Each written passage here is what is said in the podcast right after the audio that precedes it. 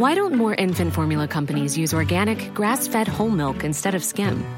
Why don't more infant formula companies use the latest breast milk science? Why don't more infant formula companies run their own clinical trials? Why don't more infant formula companies use more of the proteins found in breast milk? Why don't more infant formula companies have their own factories instead of outsourcing their manufacturing? We wondered the same thing. So we made ByHeart, a better formula for formula.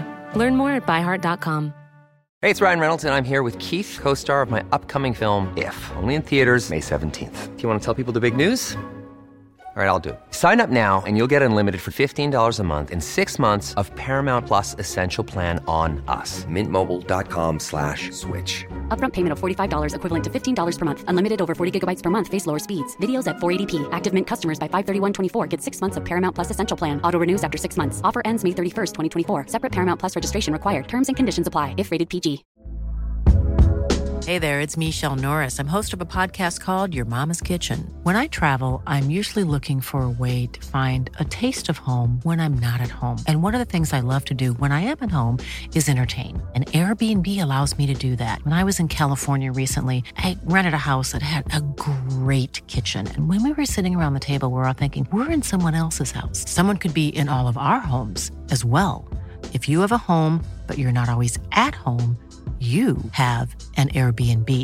Your home might be worth more than you think. Find out how much at airbnb.com/slash host.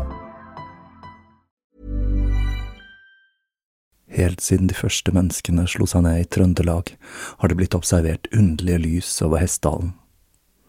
Fenomenet har blitt forsøkt bortforklart som syner sett av bygdetullinger og deliriske hallusinasjoner forårsaket av den lokale drikkekulturen.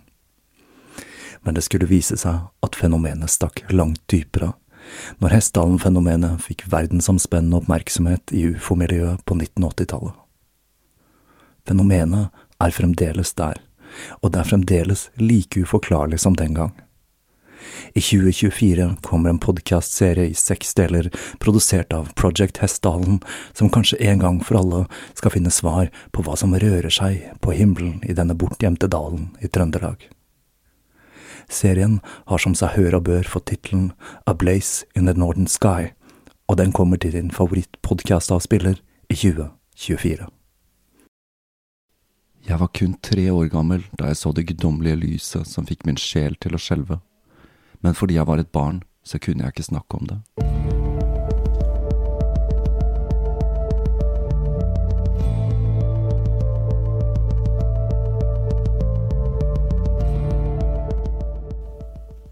Hei og velkommen til Tåkeprat. Jeg heter Even, og når jeg tar opp denne episode 128, så er det søndag den 22. mars 2020. Å si at mye har skjedd siden siste episode, vil vel ikke være å overdrive. Og det har vært interessant å se hvordan alt det som skjer i verden, har påvirket meg selv i gradvise stadier i en hverdag som er blitt merkeligere og merkeligere for hver time som går. For meg så har dette vært like mye en indre som en ytre prosess. Jeg er en av de som har vært mentalt forberedt på en pandemi. Jeg er ikke en prepper akkurat, men jeg har tenkt gjennom ulike scenarioer, og jeg er ikke så veldig overrasket over det som nå har skjedd. Forrige uke så begynte det å bli mer og mer åpenbart at skoler kom til å stenge, og arrangementer ville bli avlyst for å forhindre spredning av viruset. Og jeg må jo si at det ikke var spesielt behagelig å jobbe på en barneskole i de siste dagene, før man endelig innså at den stående ordren om kun å stenge dersom det ble et utbrudd på skolen, ikke var en spesielt god idé.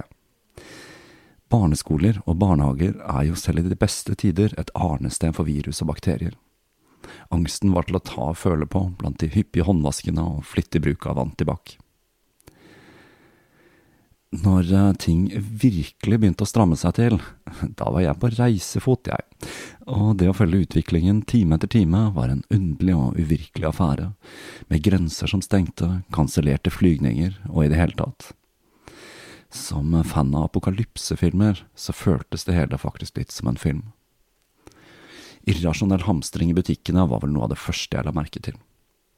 Det var vel under finanskrisa vi sist hadde noe tilsvarende jeg må jo si det at det å smådesperat gå på butikken for å kjøpe dopapir sammen med en stor gruppe mennesker, kanskje ikke er det aller lureste å gjøre dersom man ønsker å forhindre spredning av smitte. Flere og flere utesteder og restauranter begynte å stenge. Det samme gjaldt butikkene, og i de få som holdt åpent, var det svært glissent med kunder. Det gjaldt også hotellet jeg bodde på. Det var veldig få gjester der, og i løpet av min tid der så startet det med at man la ned frokostbuffeen, og det endte opp med at man fikk servert frokosten på rommet i en pose for å forhindre smitte. Jeg føler at jeg bør rette en takk til Hotell Norge i Bergen, for servicen de klarte å levere gjennom det hele, den var fantastisk. Det blir kanskje sånn når man har svært få gjester, men jeg har også bodd på mange hoteller i Norge opp igjennom, og dette var i særklasse så dette er en liten ubetalt reklame for et av de beste hotelloppholdene jeg har hatt i Norge. Jeg tror aldri jeg har brukt så mye antibac i hele mitt liv til sammen som jeg gjorde i løpet av den helgen. På toppen av det hele så gikk det et ras på linja til Bergensbanen når jeg skulle hjem, så jeg ble strandet et ekstra døgn i byen mens jeg fulgte med på utviklingen og tiltakene som stadig ble mer drastiske. Det hele var litt ekstra bisart, da bybildet var preget av hjemløse, personer som åpenbart ikke var riktig skrudd sammen, og Hare Krishna. Og for de av dere som er som meg og er fan av George Romero, så har kombinasjonen av Hare Krishna og apokalyptiske tilstander en helt egen betydning. Her sikter jeg selvsagt til Dawn of the Dead, for de av dere som vet hva jeg snakker om her. Jeg skal ikke snakke så veldig mye mer om dette, for jeg tipper vel at de fleste av dere føler dere ganske mette på nyheter om covid-19. Men det er et par ting jeg har lyst til å si. For det første så vil jeg rette en takk til eh, de av dere som jobber i helse og omsorg, og ikke har noe annet valg enn å utsette dere for potensiell smitte for å hjelpe andre.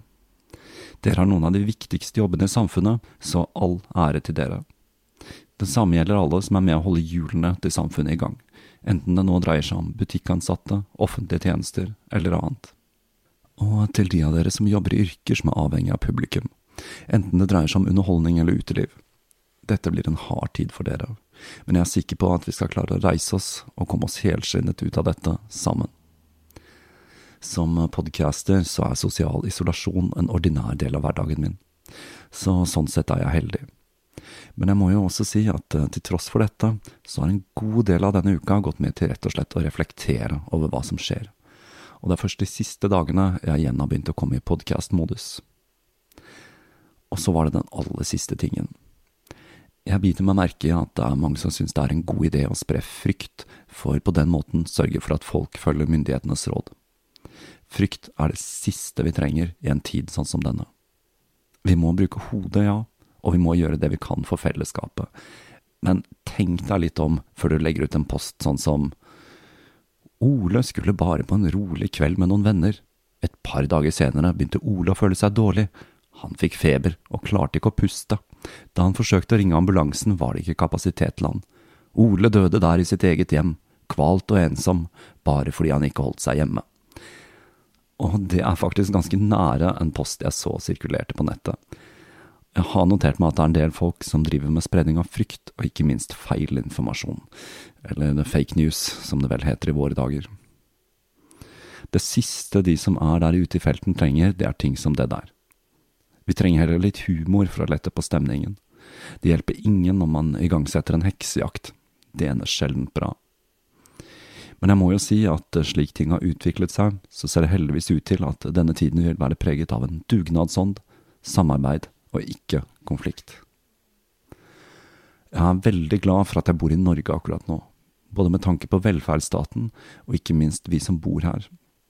Når ting er tøft, så har vi en tendens til å hjelpe hverandre og vise en side av oss selv som vi introverte nordboere sjelden viser. Og det var alt jeg hadde å si om den saken for denne gang.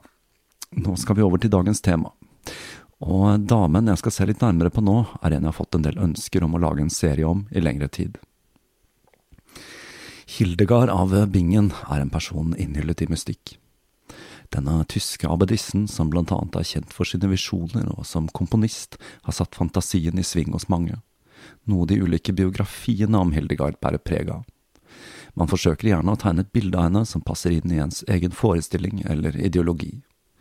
Og det er forståelig, men så fremtredende kvinnelig polymatt i europeisk middelalder. Mitt utgangspunkt er at jeg vil forsøke å finne fram til den historiske Hildegard, og forsøke å forstå hva som gjør at denne damen har fått den statusen hun har, og hva som gjorde at hun fikk den rollen hun hadde i samtiden. Hovedkilden jeg har valgt meg ut i denne serien, er Fiona Maddox, Hildegard of Bingen, A Woman of Her Age fra 2001, som for meg ser ut til å være en ganske nyansert biografi med gode kildehenvisninger. Så da er tiden inne for en ny serie, og et avbrekk fra det kaoset som råder om dagen.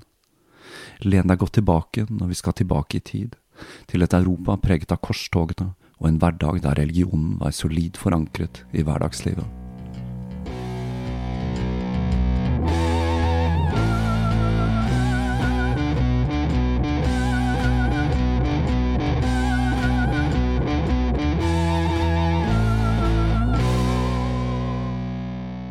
Det er mye som er svært usikkert om Hildegard av Bingen. Bare det at hun blir kalt Av Bingen, er i seg selv litt misvisende. Dette er bare en referanse til byen langs Rhinen der Rupertsbergklosteret Hildegard etablerte, en gang sto. Det hersker også en del tvil om hvor hun faktisk ble født, men man tror hun ble født i Bermersheim, som i dag er et sentralt tysk vindistrikt. Når hun ble født, er heller ikke helt klart. Man regner med at hun ble født i 1098, til tross for at hun selv hevdet å ha blitt født i 1100, noe hun antageligvis gjorde fordi hun var svært glad i runde tall. Hildegard ble født inn i et Europa med korstogfeber. Det første korstoget mot muslimene begynte tre år før hun ble født, og da hun var ett år gammel, så falt Jerusalem og kom under kristent styre. Korstogene er for så vidt et tema jeg har tenkt til å ta for meg, og jeg startet faktisk på dette en gang, men temaet er så omfattende og kaotisk at jeg ikke riktig vet hvilken ende jeg skal starte i. Her kan jeg for øvrig anbefale Tor Åge Bringsværd sin serie Gobi. Det er riktignok minst 20 år siden jeg selv leste denne, men jeg husker denne som en veldig spennende og informativ romanserie om nettopp korstogene og mongolene. Tyskland var ikke et samlet rike på denne tiden, og hadde ingen egen nasjonal identitet. Det eneste felles språket man hadde, det var latin, og i en periode ble Tyskland, Italia og Burgund styrt av én og samme hersker. Hildegard forteller at Europa var i forfall, og at kirken var truet av kjettere når hun kom til verden. Foreldrene til Hildegard var Hildebrecht og Matilda von Hosenbach. Og til tross for at foreldrene ikke hadde noen offisielle titler, så var de nære slektninger av Hohenstaufen-keiserne og eide store landområder i Rhinenområdet. Hildegard var parets tiende barn, og siden det var en tradisjon å gi bort sitt tiende barn som en tiende til kirken, så var det akkurat det de gjorde. Dette var noe som var spesielt vanlig å gjøre i det øvre sosiale sjiktet. Jeg mener, har man først ti barn, så er det kanskje like greit å bare gi vekk et. Hildegard ble gitt bort i sitt åttende leveår. Men det var vanlig å gi bort barn så unge som helt ned i femårsalderen på denne måten. Når Hildegard ble gitt til klosteret, så ble hun overlatt i varetekten til den 14 år gamle Jutta von Sponheim, som var søsteren til grev Meinhard av Sponheim. Jutta var en venn av familien, og det var nå denne 14 år gamle jenta som fikk ansvaret for opplæringen av den åtte år gamle Hildegard. Jutta er i seg selv en interessant figur. Hun hadde blitt alvorlig syk da hun var tolv, og hun hadde bedt til Gud og sverget at dersom hun ble frisk, så skulle hun vie livet sitt til religionen. Og frisk det ble hun, og hun sto ved løftet sitt, til tross for at hun var svært ettertraktet som kodemateriale. Det er sånn med disse historiene fra middelalderen, eller fra tidlig kolonitid i USA. Jentene var altså gifteklare i svært, svært tidlig alder, om jeg ikke husker helt feil, så ble vel Elisabeth Batory forlovet når hun var elleve. Jutta bestemte seg for å gjøre det absolutt voldsomste en kvinne kunne gjøre for å dedikere seg til Gud. Hun ville bli en eremitt, eller en ankoritt. Jeg har ikke klart å finne godt ord for anchorite eller anchoress utover eremitt, men denne betegnelsen brukes om en spesiell type isolasjon. Ordet stammer fra gresk å trekke seg tilbake, og dette var en utstrakt praksis gjennom det tolvte århundret. Jeg kommer til å bruke ordet ankoritt her. Det er et ord som egentlig ikke finnes på norsk, men som jeg velger å innføre her og nå. Jeg føler at det vi snakker om er så vesentlig forskjellig fra det jeg forbinder med eremitt, at vi rett og slett trenger et annet ord. Det kan være noe å legge til i høynorsken, vet du. Personen som tok dette veivalget, ble låst eller murt inne i et rom tilknyttet et kloster for resten av livet.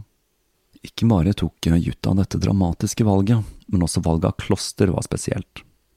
Hun hadde sett seg om etter et passende sted, og valget falt på det benediktinske munkeklosteret Disibodenberg. Klosteret lå svært øde til, i en fjellside ved utløpet til elvene Glan og Na. Jutta forteller at hun valgte nettopp dette fordi hun ville komme seg bort fra menneskemengdene, og fordi klosteret hadde et godt rykte. Men til tross for dette ryktet så hadde det gått nedover med klosteret de senere årene, noe som gjorde valget av i Bodenberg ekstra spesielt. Her vil hun leve i et kloster som ikke bare var isolert, men også svært fattig.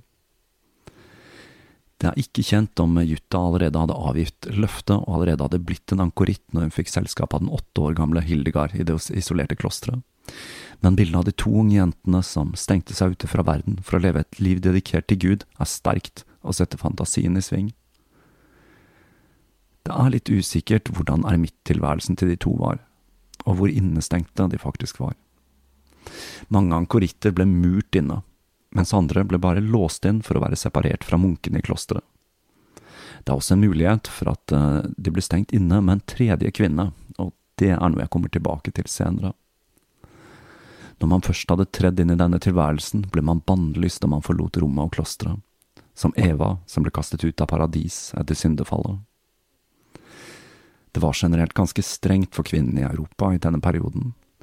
Kvinner kunne for eksempel ikke reise alene, men måtte være i følge med en mann, med mindre det var helt ekstreme tilfeller. Som om man ble invitert til en audiens med keiseren, noe som jo ble sett på som ekstremt usannsynlig og egentlig høres ut som en regel som ble skrevet ned nesten som en slags vits.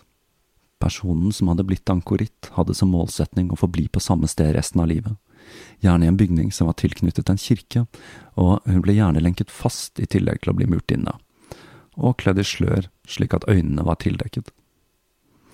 Tilværelsen ble sett på som en eksistens mellom liv og død, og man refererte ofte til stedet der ankoritten oppholdt seg, som et mausoleum dette var en tilstand som skulle være så nære døden det var mulig å komme i dette livet.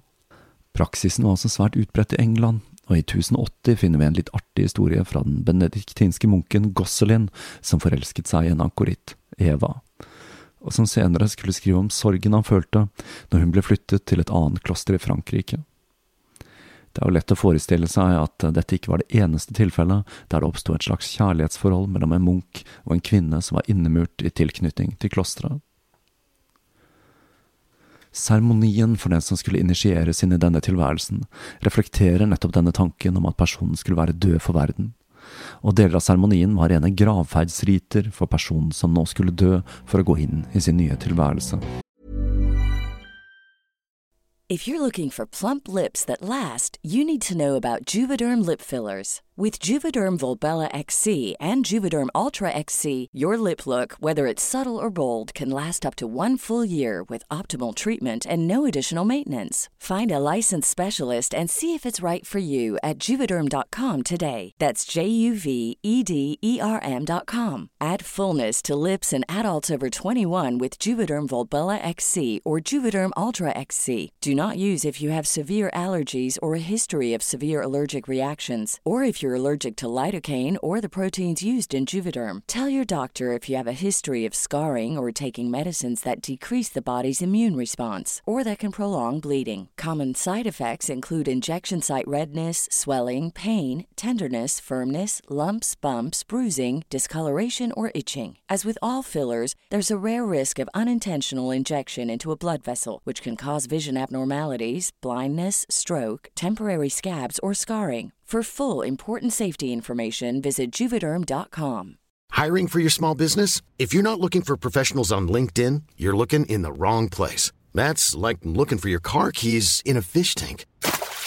LinkedIn helps you hire professionals you can't find anywhere else, even those who aren't actively searching for a new job but might be open to the perfect role. In a given month, over 70% of LinkedIn users don't even visit other leading job sites. So start looking in the right place. With LinkedIn, you can hire professionals like a professional. Post your free job on linkedin.com slash people today.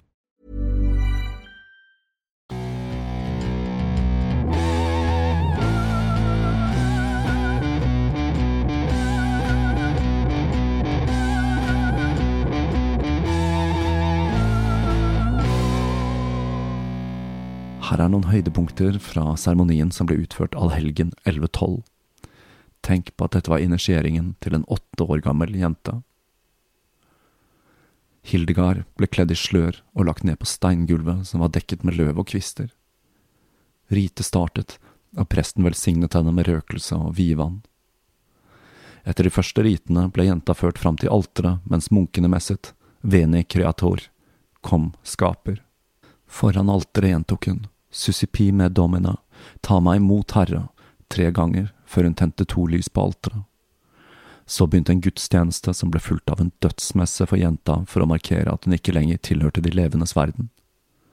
Hun ble ført fram til kammeret der hun var tenkt å tilbringe resten av livet, og biskopen velsignet det med vidvann og røkelse før jenta gikk inn i rommet og erklærte her skal jeg være for all tid, dette er hjemmet jeg har valgt, hvorpå hun la seg på gulvet og biskopen utførte en symbolsk jordpåkastelse. Når han forlot cella, ba han henne reise seg og tjene Herren før inngangen ble forseglet. Det hele ble avsluttet med enda en dødsmesse og bønn for de døde. I dette øde klosteret til Sankt Dissipod skulle Hildegard tilbringe de neste 40 årene av sitt liv. Det er ganske sterke saker, dette her, for å si det forsiktig. Navnet til klosteret kommer for øvrig fra den keltiske munken Dissibod, som reiste rundt og prekte i området på 600-tallet. Det finnes ingen kilder som forteller oss om hvor mye kontakt Hildegard og Jutta hadde med munkene, eller om de hadde bevegelsesfrihet. Mange ankoritter fikk sendt inn mat og slikt gjennom en luke eller et gitter, og i enkelte tilfeller så var dette konstruert på en slik måte at besøkende ikke kunne se ansiktet til den i cella. Som sagt så gikk det dårlig med klosteret i den perioden Hildegard kom dit, og det var preget av manglende vedlikehold og var slett ikke et egnet sted for ei ung jente og et barn.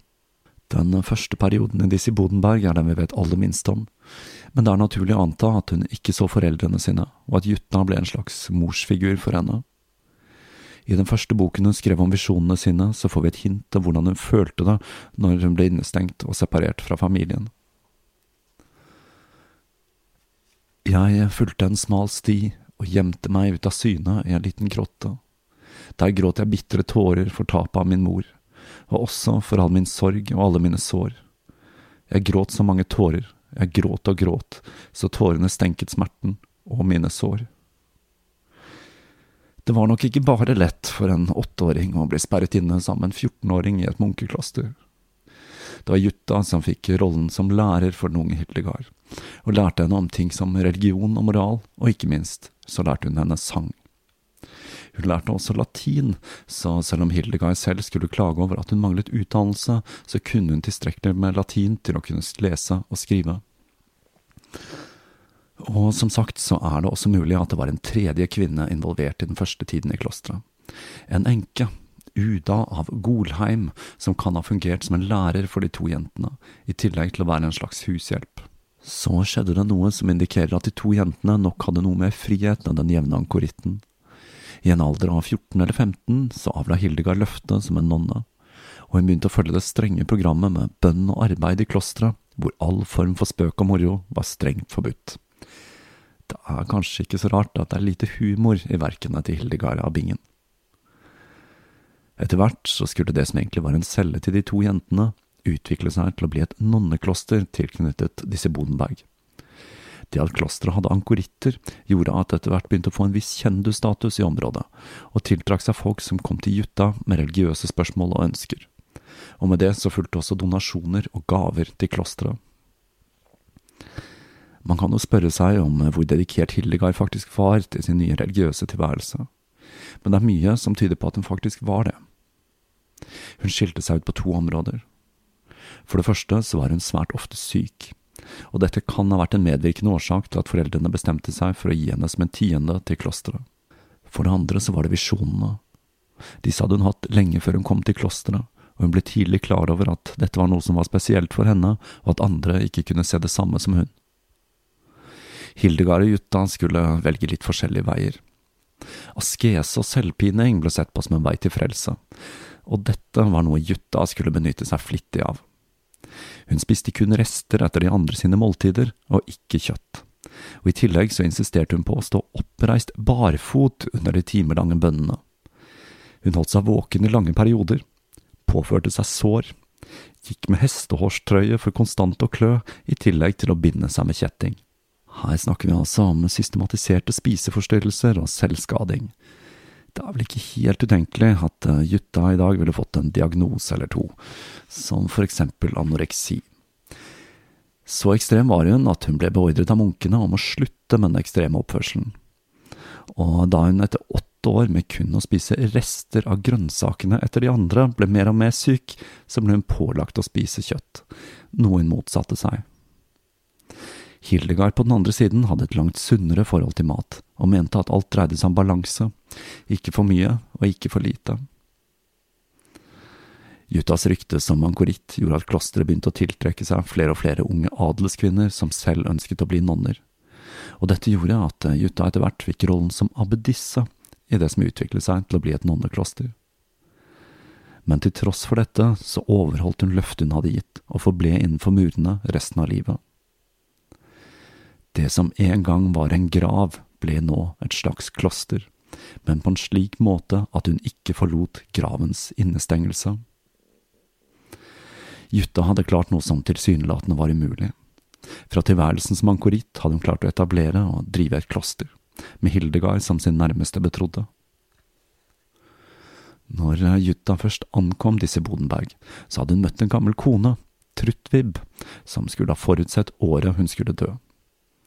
Trutweb fortalte Jutta at hun hadde hatt en visjon, og hadde blitt fortalt. Du skal vite at lady Jutta, som i dag ble innestengt på dette stedet, vil leve lykkelig 24 år, men i det 25. året så vil hun forlate vår verden. Man kan jo saktens stille seg spørsmålet om hvor korrekt denne sandsigersken til Jutta var, med tanke på at hun forutså en lykkelig tilværelse. Men Jutta tok dette til seg, og når tiden begynte å nærme seg, så forberedte hun seg på å dø. Dette gjorde hun selvsagt i kjent stil med faste og selvpining.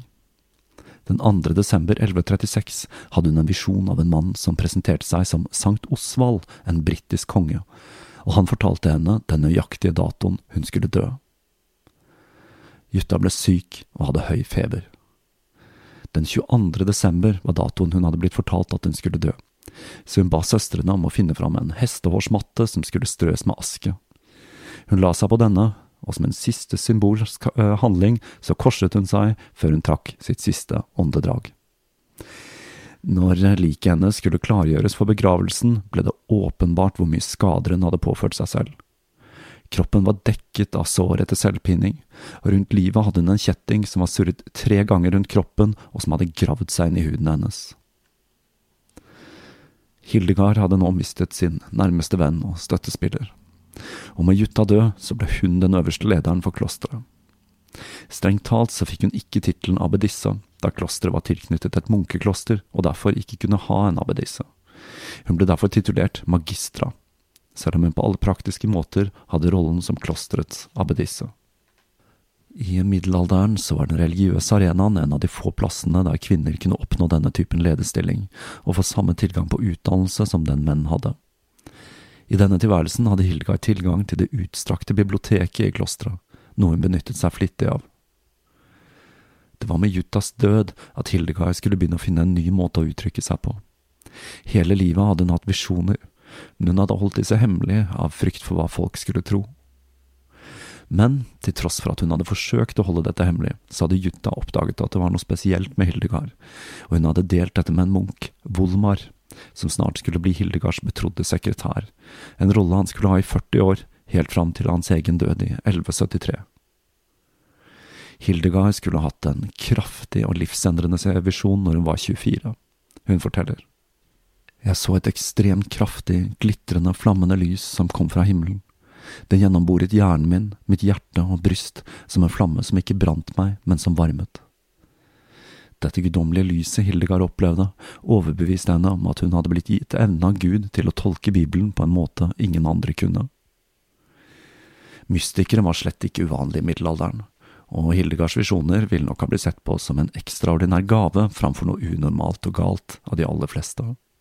Det som selvsagt var unikt, var at Hildegard var en kvinne, og hun var en av de aller første kvinnelige mystikerne vi kjenner til fra denne perioden. Men flere skulle følge hennes fotspor. En litt artig en er den britiske Christina av Markajate, som hadde blitt tvunget til å gifte seg mot sin vilje. Hun nektet å gi opp jomfrudommen sin, noe som gjorde at foreldrene skjenket henne full og forsøkte å få ektemannen til å voldta henne. Hun klarte å rømme med jomfrudommen intakt, og ble en eremitt og begynte å få visjoner like etter. Livet var steinhardt i middelalderen. Her snakker vi om åtteåringer som blir murt inne, og foreldre som forsøker å få datteren sin voldtatt. Harde bud, altså. Det er flere ting som skiller Hildegard fra andre mystikere i samtiden. For det første, hun hadde disse visjonene i våken tilstand, uten først å falle i transe eller ved å fremprovosere dem med ting som faste eller andre fysiske og psykiske belastninger.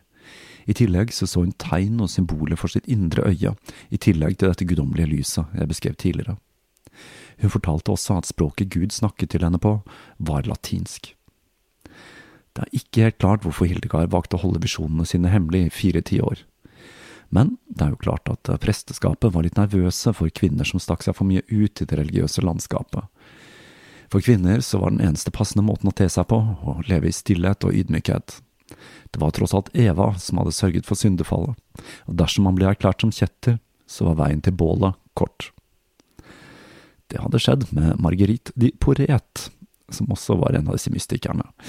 Og det som er litt artig med hennes historie, er at boken hun skrev, den ble hyllet i religiøse kretser, da man trodde at den var skrevet av en mann.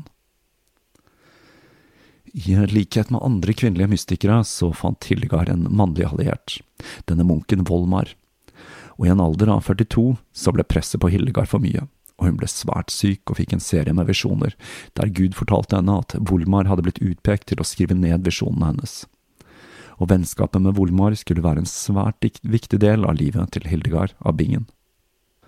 Det at hun hadde dette fysiske kollapset, hvor hun fikk kramper og mistet kontroll over kroppen sin og ble midlertidig blind, gjorde at hun nå var sikker på at hun hadde fått et kall fra Gud, og var nødt til å begynne med arbeidet med å dele dette budskapet med verden. En av de mest populære teoriene om Hildegards visjoner er at hun led av migrene. Synsforstyrrelser, kvalme, susing, magesmerter, transe og epilepsilignende anfall er alle symptomer som kan komme i forbindelse med migrene. I tillegg så er det karakteristisk med punkter av lys som kan opptre som lys eller flammer som beveger seg i bølger. Det som selvsagt skiller Hildegard fra andre med denne lidelsen, er at hun klarte å gjøre en opplevelse som for de fleste er meningsløs og fæl, til en dyp religiøs ekstase. Om det nå er migrene det dreier seg om, det er noe vi aldri vil få et fullgodt svar på.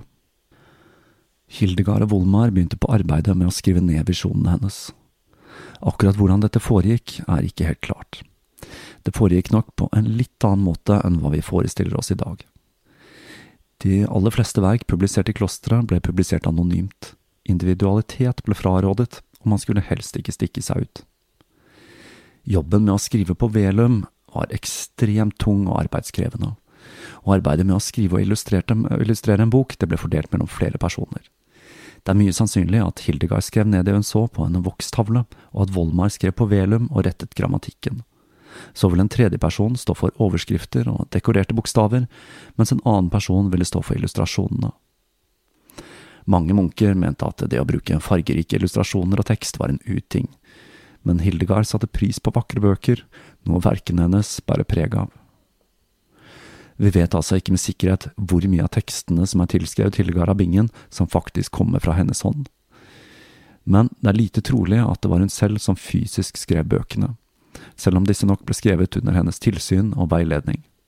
I sin rolle som klosterets øverste leder skulle hun få en rekke andre oppgaver, og hun hadde neppe tid til å skrive på Velum. Ryktet om denne damen med sine guddommelige evner skulle spre seg langt inn i maktens korridorer, og det skal vi se litt nærmere på i den neste delen av serien om Hildegard av Bingen.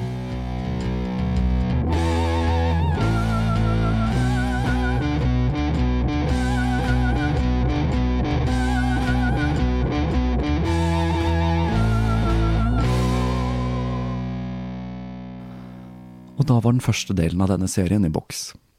En spennende historie det der, og jeg synes det er litt ålreit å igjen ta for meg en historie fra middelalderen. Slik som ting er nå, så satser jeg på at del to i denne serien kommer neste søndag. Men det er jo ikke så lett å si hvor verden befinner seg om en uke, i en hverdag som endrer seg fra time til time. I dag så datt nettet ut her, men jeg antar at dette kun skyldes en lokal feil, og at det blir ordnet snart.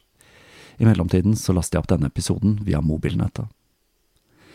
Vi lever i virkelig interessante tider, men som jeg sa tidligere, så håper jeg at det kan komme noe godt ut av det hele, og at vi kanskje begynner å betrakte samfunnet på en ny måte. Det er kanskje ikke det å eie mest mulig og dø med flest mulig ting som er meningen med det hele. Fram til neste episode så vil jeg oppfordre dere alle til å ta vare på hverandre. Plukk opp telefonen og ring noen du vet er alene. Vi er blitt så vant til å kommunisere digitalt, men nå som vi faktisk må holde oss fra hverandre, så kan akkurat en liten gest som det bety veldig mye for den du ringer. Så hold ut der ute. Vi kommer oss gjennom dette også.